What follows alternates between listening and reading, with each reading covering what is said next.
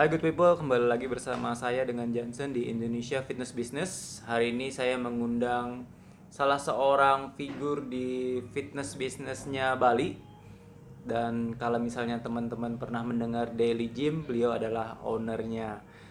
Oke, langsung perkenalkan diri. Oke, Coach Johnson, selamat datang di Bali. Terima kasih sudah datang di Daily Gym. Uh, Dengan senang hati. Ya. uh, perkenalkan, saya Arfa dari Daily Gym Bali. Saya adalah owner dari Daily Gym dan sudah membuka uh, gym ini enam tahun terakhir di Udah Bali. enam tahun ya? Enam tahun, enam tahun Gila, coach. udah lama juga ya. Iya. Wah, kalau enam tahun itu biasanya ada keluh kesah yang bisa kita eh, bisa di share ke teman-teman nih. Iya. Ya, lanjut lanjut. Gimana? Ah, Perkenalan dulu. Awalnya saya membuka gym ini uh, di awal enam tahun lalu itu hanya sekedar iseng-iseng dulunya. Oh, iseng-iseng berhadiah. nih Iseng-iseng ceritanya. berhadiah coach ya. Oke. Ya karena uh, saya sendiri sebenarnya dulu uh, sangat malas berolahraga. Oke. Ya. Ya, Dan ya, ya, kemudian uh, saya mencoba uh, melihat peluang-peluang usaha yang kira-kira bisa berkembang di Bali uh, dan Salah satunya ya salah fitness sa- ya. fitness karena kita saya juga ada beberapa menjadi sebelumnya menjadi member di beberapa di Oke. satu tem- salah satu tempat di fitness yang ada di Bali. Nah, saya melihat potensi ke depan untuk fitness sangat besar terutama karena Bali adalah destinasi pariwisata di mana juga uh, olahraga itu menjadi Gaya hidup ya? gaya hidup dan needs dan sang- sudah terbukti saat ini saya bisa bertahan di industri ini dan ke depan saya rasa masih sangat bisa berkembang Hmm. lebih. Perjalanan dari daily gym itu sendiri bisa nggak sih di share dulu apa sih itu daily gym? Oke, jadi uh, saya membuat nama Daily Gym seperti tadi hanya terlintas begitu saja di benak. Daily ya? jadi, jadi hanya daily ya kita olahraga tiap hari lah. Oke, seperti di Bali karena kan seperti Kirain terinspirasi dari korannya dari Superman. Oh, bukan. Daily Mail. Daily Mail. ya, jadi seperti itu, coach. Nah, eh, ber- seiring berkembangnya waktu juga eh, salah satu fokus sekarang training yang ada di Daily Gym, saya eh, memang ada passion di Muay Thai. Oh Muay Ya. Thai. Pantesan saya lihat di atas itu ada ring, kemudian Iya, ada sandbag, Iya, iya. dan banyak juga eh, para turis dan ekspat yang latihan boxing di sini Iya, ya. iya, iya. Tapi Karena- kalau untuk fitnessnya sendiri, Kalau fitnessnya sendiri memang di awal kita saya set up untuk uh, memang untuk training fitness untuk Oke. jadi kayak gym training ya. oke oke ya, oke, oke. tapi uh, saya juga ada passion di Muay Thai jadi kebetulan juga ada teman-teman dan komunitas lokal yang sebelumnya uh, sering saya ajak berkomunikasi dan latihan bareng.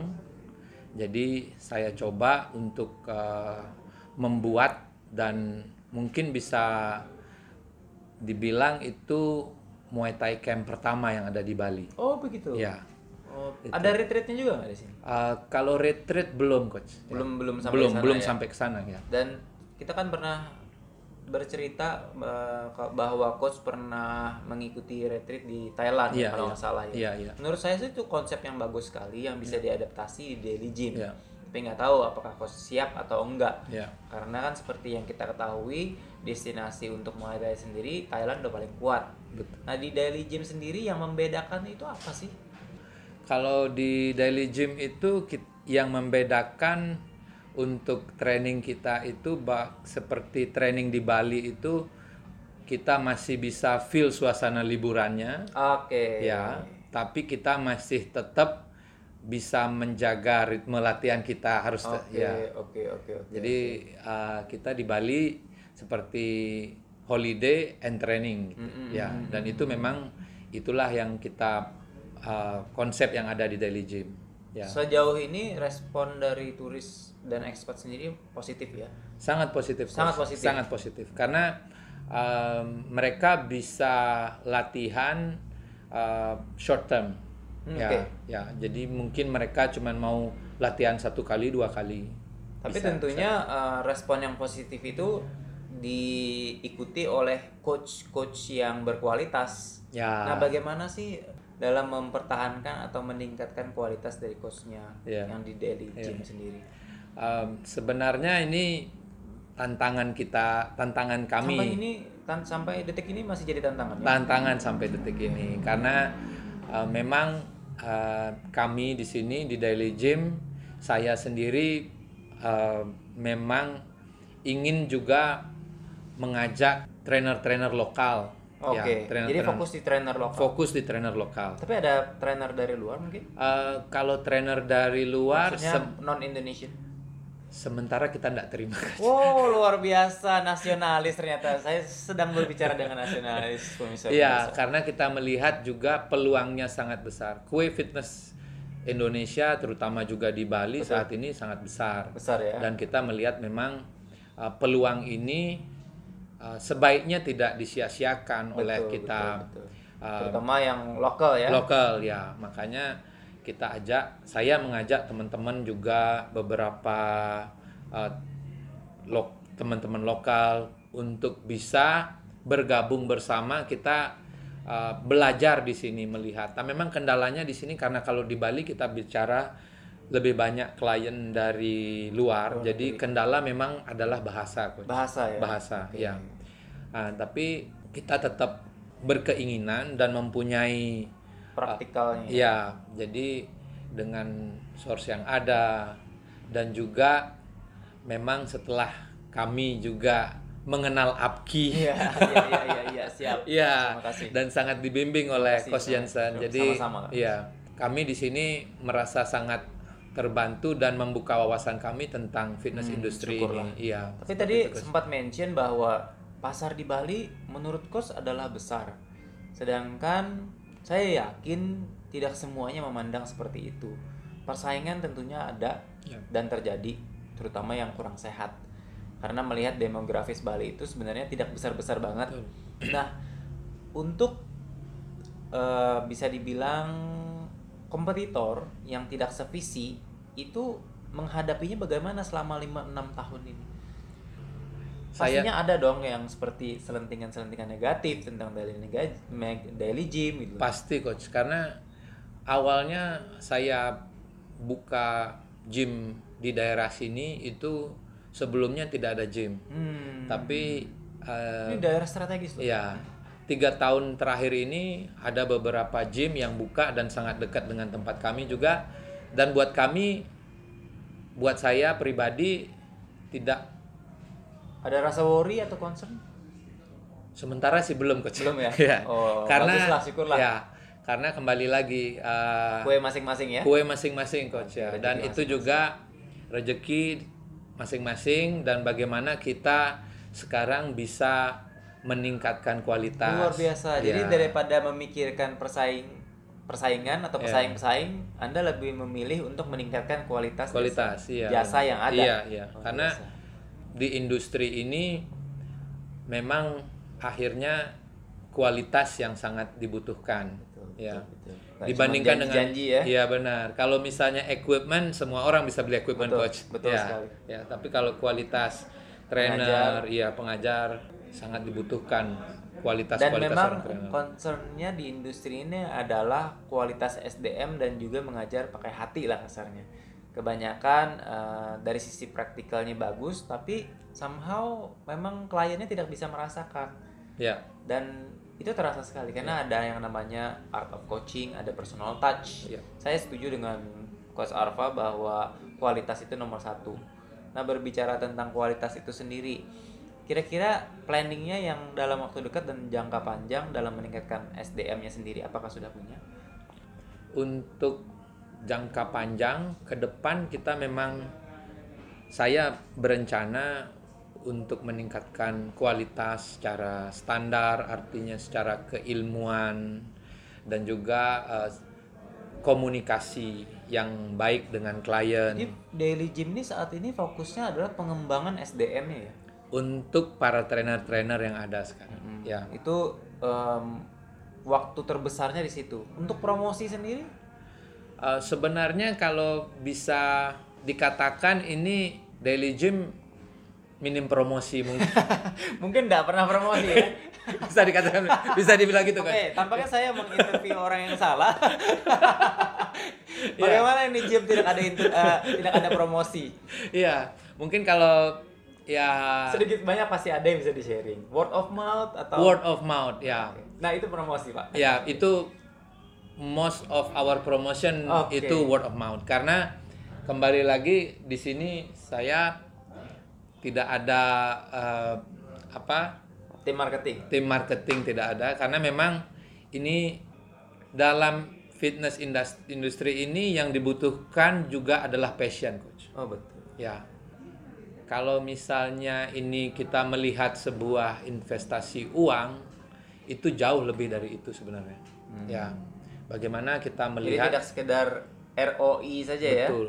Ya. Oke. Jadi itu karena memang kita harus ada di dalamnya dan itu sebuah fitness is an- buat saya itu an art of life ya. Art of Jadi life, memang itu sudah menjadi kebiasaan dan juga karena menurut saya ini fitness sport juga kita jadi diajarkan sportif di sini. Oh, jadi sportif, ya, jadi bukan persaingan yang tidak saya tidak pernah merasa ada persaingan karena uh, selama itu kita Sportif itu bersaing secara sehat. sehat tepatnya. iya iya karena memang semua sudah ada yang atur Ah, betul, iya betul. itu. Nah, eh, perannya dari coach Arfa sendiri selama ini di Daily Gym apakah sebagai coach juga atau manajer atau mungkin Uh, saya sekaligus menjalankan memanage gym ini juga uh, mengajar beberapa oh ngajar juga ya. ya beberapa Wah, turun ke lapangan juga ya. ya Luar biasa. ya karena buat saya juga para trainer itu adalah juga rekan-rekan gitu jadi bukan Bukan bawahan bukan ya. bawahan ya Luar biasa. itu. Jadi itu yang saya terapkan di daily gym ini Nah, itulah eh, good people bahwa figur-figur leader itu sebenarnya ada di sekitar kita. Bahkan mereka yang menganggap pegawai menjadi tim itu memang jarang sekali. Makanya eh, figur-figur seperti Coach Arfa ini mesti diangkat lah dengan Indonesia Fitness Business Podcast seperti ini. Silakan lanjutkan. Ya, jadi setelah enam tahun ini saya mengenal Apki sejak tahun lalu, tepatnya 2018, dan semenjak mengenal Apki dan bergabung di Apki, mengenal Coach Jensen, Ya, ya. itu sangat inspiring sekali. Waduh, saya tersanjung. Iya, jadi- tersanjung 6 dan tersanjung 7. Kok jadi serian? Jadi memang eh, ke depan saya memiliki eh, Harapan. harapan-harapan. Selain itu juga karena di sini selain saya sendiri di Daily Gym ada para rekan-rekan saya sebagai seorang trainer-trainer juga yang kita bersama-sama di sini. Jadi intinya Coach Arfa ini juga harus mempertimbangkan dan memperhatikan masa depan dari Iya, timnya ya. iya, betul. Bagaimana bisa eh, supaya future-nya terjamin Iya. dan juga mereka bisa terus berkembang Iya, mungkin ya. iya. Nah, berbicara tentang Coach Arfa sendiri secara pribadi, apa sih achievement-achievement yang sudah dicapai sampai saat ini? Untuk achievement kami di Daily Gym memang sangat concern terhadap untuk saat ini memang kalau saya passion saya ada di Muay Thai. Jadi saya memang banyak juga merekrut talent-talent lokal yang mau menyiapkan dirinya punya kemauan untuk bisa berkembang nantinya sebagai personal trainer.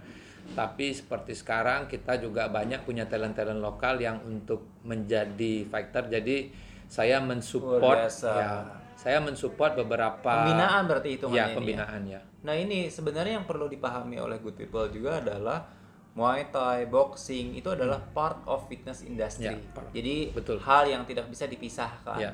Dan bahkan kesempatan-kesempatan seperti menjadi personal trainer itu bisa diperoleh oleh atlet yang pensiun. Betul, betul. Bahkan bisa Persis. sebaliknya. Ya. Personal trainer yang ingin menjadi atlet juga bisa. Bisa, betul. Jadi semakin banyak opportunity, semakin banyak kesempatan-kesempatan yang diberikan, Ya. itu tentunya bisa memberikan jaminan yang lebih baik untuk masa depannya mereka juga. Ya, Begitu persis, ya. Coach, persis. Ya. Wah, luar biasa. Dan saat ini mungkin ada figur yang bisa diceritakan sukses story-nya Saya dari Daily Gym terutama. dari Daily Gym.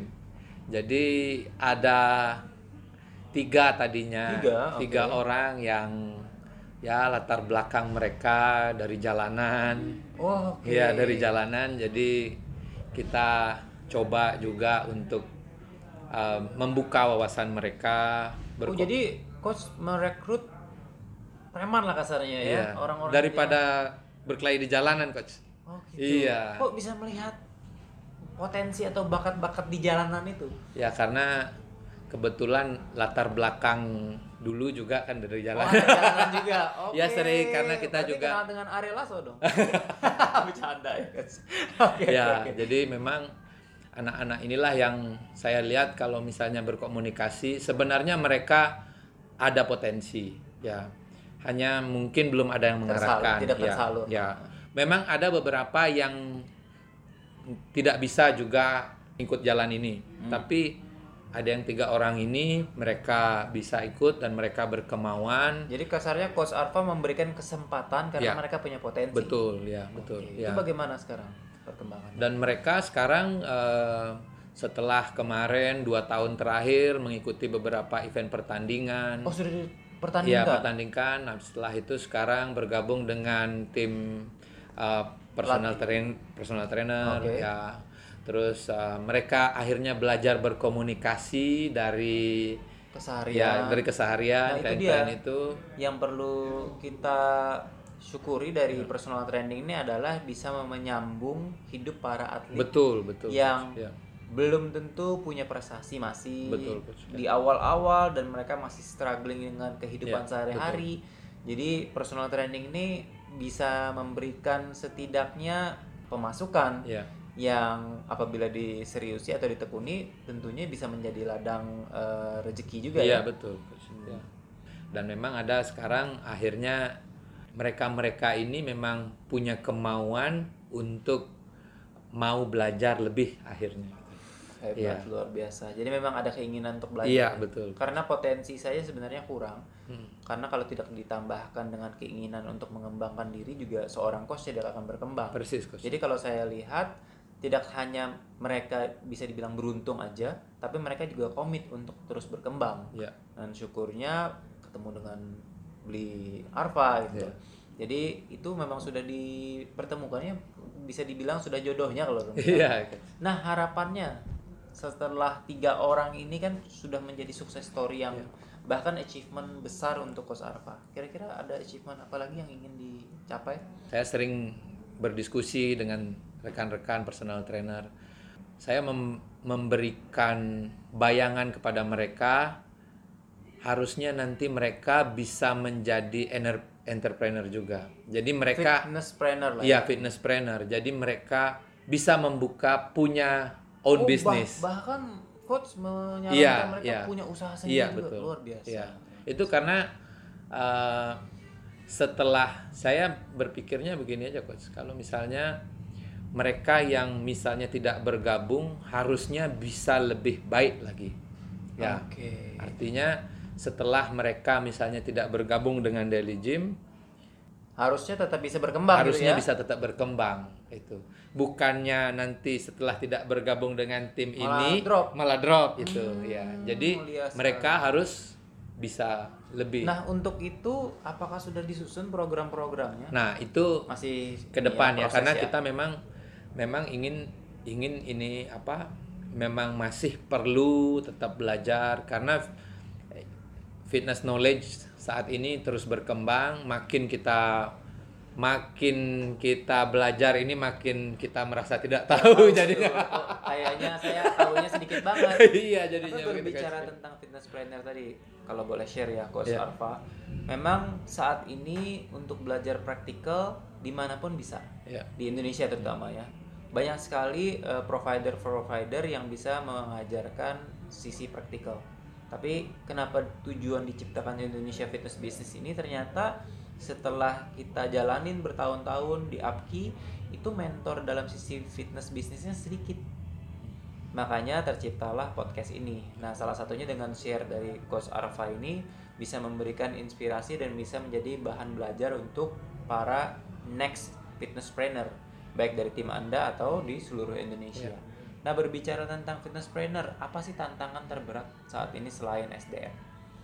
Eh, tantangan terberatnya Menjadi seorang fitness trainer itu sendiri. menjadi seorang fitness trainer tantangan terberatnya adalah dari sisi mungkin manajemen ya coach ya. Manajemennya. Bisa Manajemen. di-share nggak kira-kira dan tips? Eh, dari sisi yang saya alami selama enam tahun ini mengelola terutama keuangan dari misalnya dari sebuah fitness Oke. dari sebuah gym itu Oke. sendiri.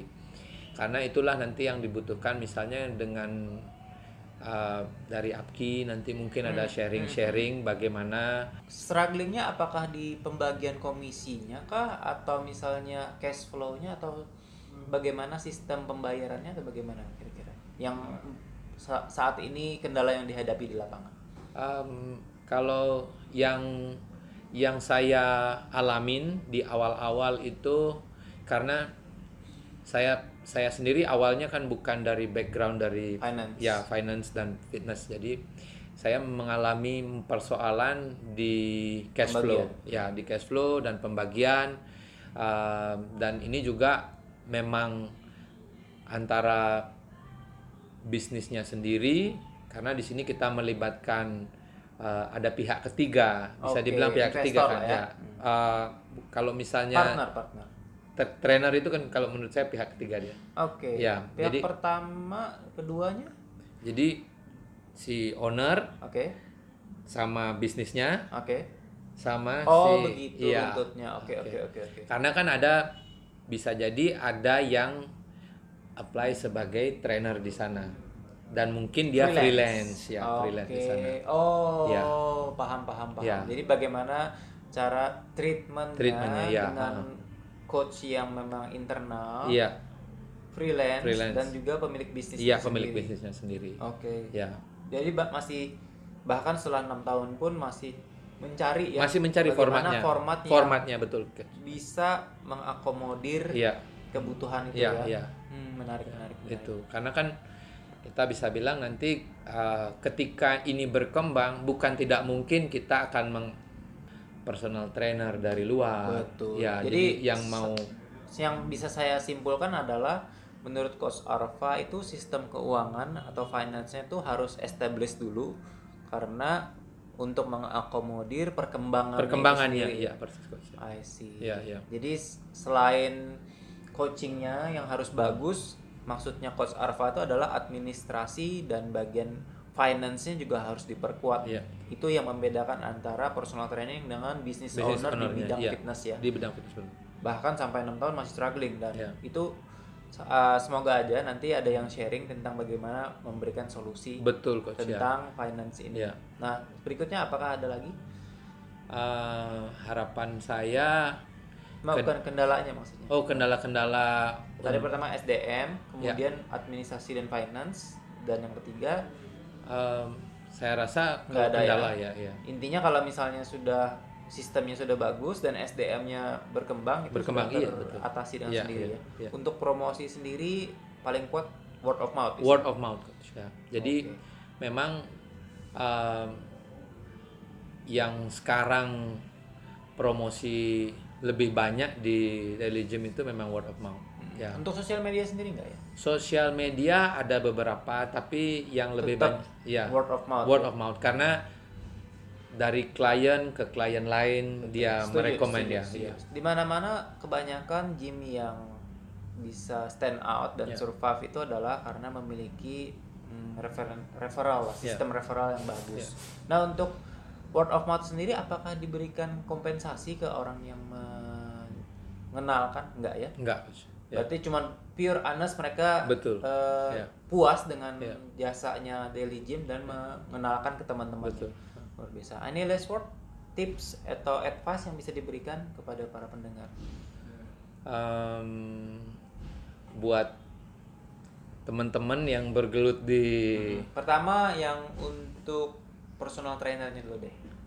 Oke, buat teman-teman personal trainer, karena saya juga Turun ke ya lapangan. turun ke lapangan menjadi seorang personal trainer.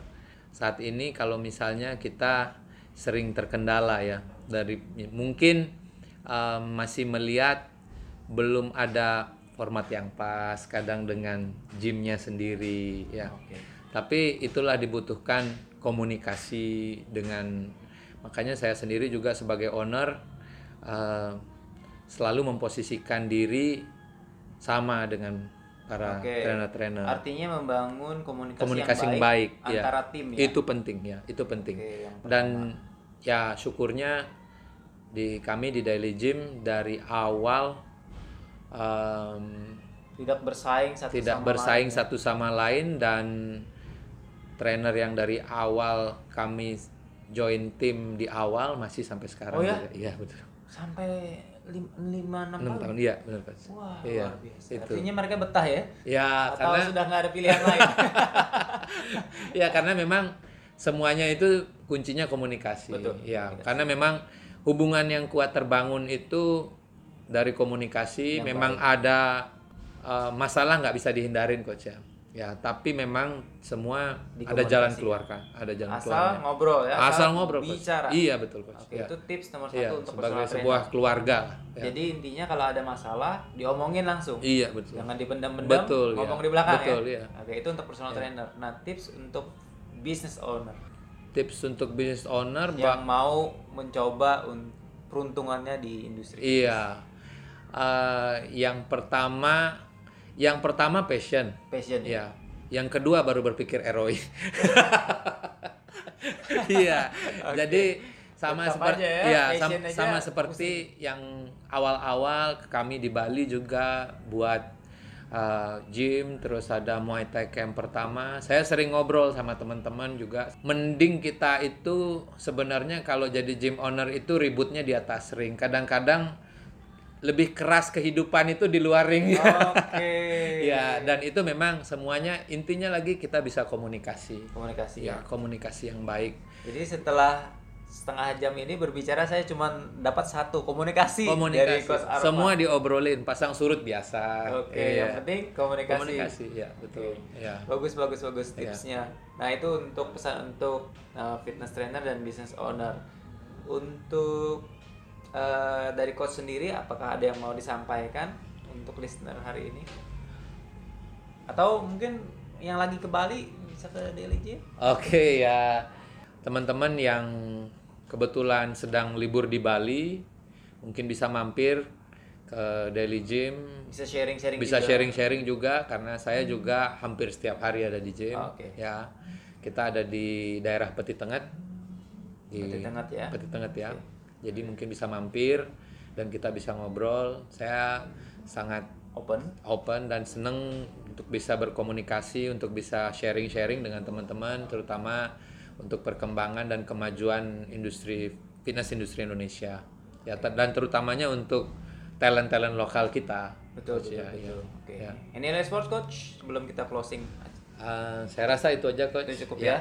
Oke, terima, kasih, untuk coach Arfa. Ya. Silahkan disapa teman-temannya. Ya. Udah? Oh, Sudah, udah. Oke, oke.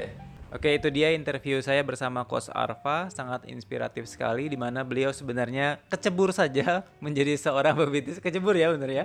Ya, pe- pebisnis di bidang fitness, tapi eh, beliau menemukan passionnya sambil menolong orang-orang yang membutuhkan pertolongan.